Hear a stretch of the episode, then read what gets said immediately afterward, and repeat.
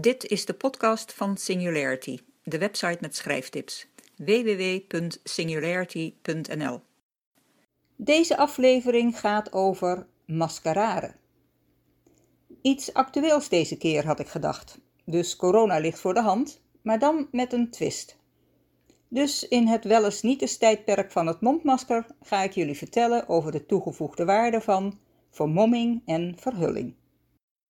Vermommen en verhullen, het verbergen van de waarheid van de uiterlijke of innerlijke identiteit van je personage, zijn sterke gereedschappen voor spanning in je boek. Je kunt er je personages mee op het verkeerde been zetten, maar ook je lezer. Je kunt het ook gebruiken om een andere waarheid of bedrog te onthullen. Het geeft je mogelijkheden om je vermomde personage dingen te laten zeggen en doen die hij in zijn echte rol niet kan zeggen of doen. Voorbeeld: Batman. Een miljonair die slechterikken vermomd te lijf gaat. Door zijn vermomming is hij onherkenbaar, althans in de comics en de films, maar ik betwijfel het. En kan hij voor een losbandige dandy doorgaan, zonder dat iemand weet dat hij de vleermuisman is. Nog een voorbeeld in Jane Eyre van Charlotte Bronte. Let op, er volgt een spoiler, dus als je dat niet wil, even een stukje overslaan. Oké, je bent er nog. In Jane Eyre dus vermomt de koude, afstandelijke Lord Edward Rochester zich als een mysterieuze zigeunerin.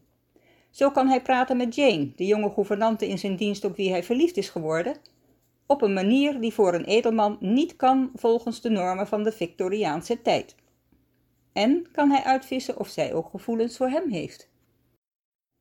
Vooruit, nog een derde vermomming voorbeeld, zonder spoiler. Madame Doubtfire, een kinderboek, beter bekend als de film Mrs. Doubtfire, geen kinderfilm, waarin Robin Williams zijn kinderen niet meer mag zien en dan, vermomd als nanny, in dienst komt bij zijn ex, om zo toch nog bij zijn kinderen te kunnen zijn. Ook kan hij zo makkelijker uitvogelen hoe het precies zit tussen haar en de aantrekkelijke stoel. Behalve een fysieke gedaanteverwisseling, dus een personage dat zich vermomt als iemand anders, kan een personage ook onvermomd blijven, maar zich wel voordoen als iemand anders. Denk bijvoorbeeld aan de luie loser Tom Ripley in The Talented Mr. Ripley van Patricia Highsmith. Kijk uit, weer een spoiler. Komt-ie. Ripley wordt gevraagd de rijke luiszoon Dickie in Italië op te zoeken en terug naar huis te dirigeren. Hij gaat naar Italië, vindt Dickie, doet zich voor als een rijke dandy, bindt Dickie's verloofde om zijn vinger en Dickie erbij, leeft een tijdje luxueus op Dickie's kosten, vermoordt hem dan en neemt zijn identiteit over. Maar het wordt steeds lastiger de schijn intact te houden.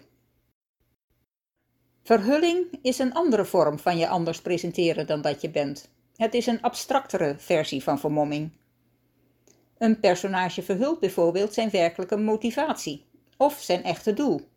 Hij veinst bijvoorbeeld dat hij een goed doel met raad en daad bijstaat, maar in werkelijkheid is hij uit op het geld dat gedoneerd wordt. Of hij doet zich voor als miljonair, maar aast op de dochter van een echte miljonair. Of die echte miljonair houdt ook een façade op en hoopt op een rijke man voor zijn dochter. Gestapelde verhulling. Verhullingen en vermommingen hoeven niet per se een slechte intentie te hebben. Misschien probeert je personage zoiets uit te vinden wat zonder verhulling niet lukt. Denk bijvoorbeeld aan de undercover detective. Ik ben aan het einde gekomen van deze podcast en ik wens je veel plezier met je vermommende en verhullende personages. Al dan niet met mondkapje. Oh ja, vond je het leuk? Heb je er wat aan? Maak me dan blij door het te delen. Dankjewel.